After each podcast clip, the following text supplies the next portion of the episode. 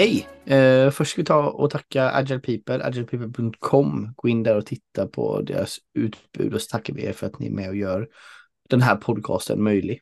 Mm. Vad ska vi prata om idag? Ja, vi ska prata om, jag tror att det här var den här fantastiska Lex Freeman-podden som du skickade till mig, som är ganska lång som jag satt och lyssnade på. Med Mm. han, den fantastiska ingenjören som du kan namnet på. Ja, nu tappar jag det bara för det. Ah, Okej, Eh, vi, du kommer säkert på det. I alla fall, Ja. ehm, han sa ju då att det finns två onda ting i världen. Jag är ganska säker på att det var han i alla fall. Eh, och det är size and complexity. ja, just det. Ehm, och det här har jag gått och tänkt på sedan dess, Mm. lite nu och då. Och jag har tänkt att det är ganska sant och sådär. Ehm, och att det verkligen är, det skapar ofta väldigt mycket problem när någonting blir stort, där har vi varit inne på förut. Eh, och Mm. eller komplext, särskilt om det är både och. Liksom. Och idag då faktiskt när jag satt, vi hade eh, månadsmöte, så liksom lång ledningsgrupp i den ledningsgruppen där jag ingår. Och vi satt och pratade om olika saker, pratade om framtiden, skapa visioner och sånt där. Eh, och hur vi ville förändra oss. Det var, ganska, det var jätteroligt, mycket energi och så. så var, men så var det någon som satt då, en kollega till mig, som sa liksom smart spaning i, han pratar ganska länge liksom. Eh, och då eh, till slut inser insåg jag, det är det här han försöker säga nu. Han försöker säga det. det finns två dåliga saker, eller evil things. Eh, och det är, är size och complexity, liksom att allting alltid blir för stort. Så då sa jag det och eh, hänvisade till det här citatet. Då. Det är ju väldigt, alltså jag ska inte säga att man alltid kan eh, undvika det då förstås, för det kanske man inte kan. Men ehm, om, om man liksom har någon chans att inte låta saker bli för stora eller för komplexa, så har man så fruktansvärt mycket att tjäna på det. Mm. Alltså nästan löjligt Ja, det är löjligt. mycket. Mm. Ja, vill du lägga, komma in lite? Innan jag, jag har min Ja. säga, men- Nej, precis. Vi kan säga då att det, han heter George Hotz. Eh, den här killen som intervjuas. Jag kollar upp det, jag, ko- jag kommer inte på det. Eh, och den är ju väldigt liksom, det är ganska software engineering, Ja. eh, alltså systemutvecklings-heavy. Så är ni inte inne i den branschen så kan ni hoppa den. Men om ni är inne i IT eller tech-branschen så är det tre timmar, jag skrev till dig, det är tre timmar ren magi. Eh, och det tycker jag verkligen det är. Så Lex Freeman med George Hotz rekommenderar vi om ni är inne i den världen. Nej, men det, du har ju rätt. Alltså det, det, det- är ju, jag håller med. Det är ju ofta så att och, och storlek leder till komplexitet också. Det är det som är lite Ja. problemet. Att när man gör grejer för stort och så.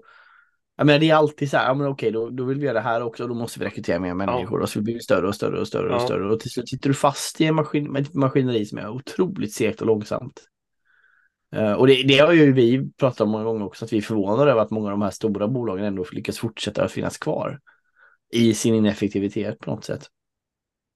Eh, Nej. så, så det, jag, jag håller också med, det är väldigt intressant. Och jag, va- varför jag också känner så väldigt starkt att det här verkligen är sant det, för att jag, om jag tänker på renoveringsprojekt här hemma i huset, Mm. eller eh, resor, eller um, åka och handla, eller något sånt där. Eh, så, så kan jag se det att man kan bli så frestad och tänka att det är effektivare att göra lite mer på en gång, Mm om man ska handla till exempel. Men det är bara, det blir så fruktansvärt mycket jobbigare allting och lämna dålig energi efter sig och man orkar inget mer sen och så vidare. Jämfört med om man verkligen gör små riktade insatser. Eh, och jag tycker det är precis likadant för stora organisationer också så att säga. Mm. Min, eh, ja en spaning som jag kanske har nämnt förut, den är på min chef. Jag tycker den är bra. Och, och det är ju då vad är det som skapar storlek i stora organisationer? Och en drivkraft är det här att man alltid vill ha business case. För Mm. business case blir nästan alltid bättre om de är större. Mm. För då blir det skalfördelar i dem. Liksom. Mm. Men de tar liksom inte hänsyn till komplexitets... Eh, nej, liksom. Så de, de skapar en massa problem för att de är stora. Men det är frestande att göra dem stora för då ser det väldigt bra ut. och Då får man igenom Mm. sin idé eh, som man liksom vill ha igenom. Då. Ja, men Så, jag, Istället för att börja litet. Jag läste någon artikel om digitalisering idag också. Att det också leder till komplexitet och storhet.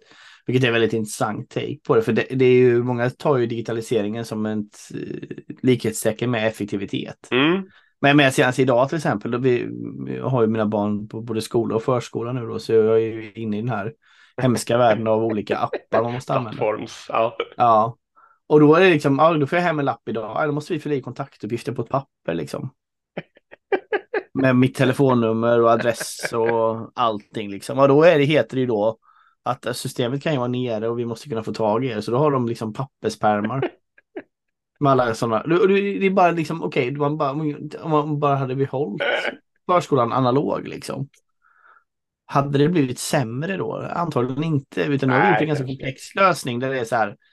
De här apparna innehåller för alldeles för mycket funktionalitet och alldeles för mm. mycket information så det är helt omöjligt att hitta. Och 50% ska ändå ske på papper. Ledighetsansökan nu i skolan, ja, jo. fysiskt papper. Det går inte att skicka in i någon app liksom.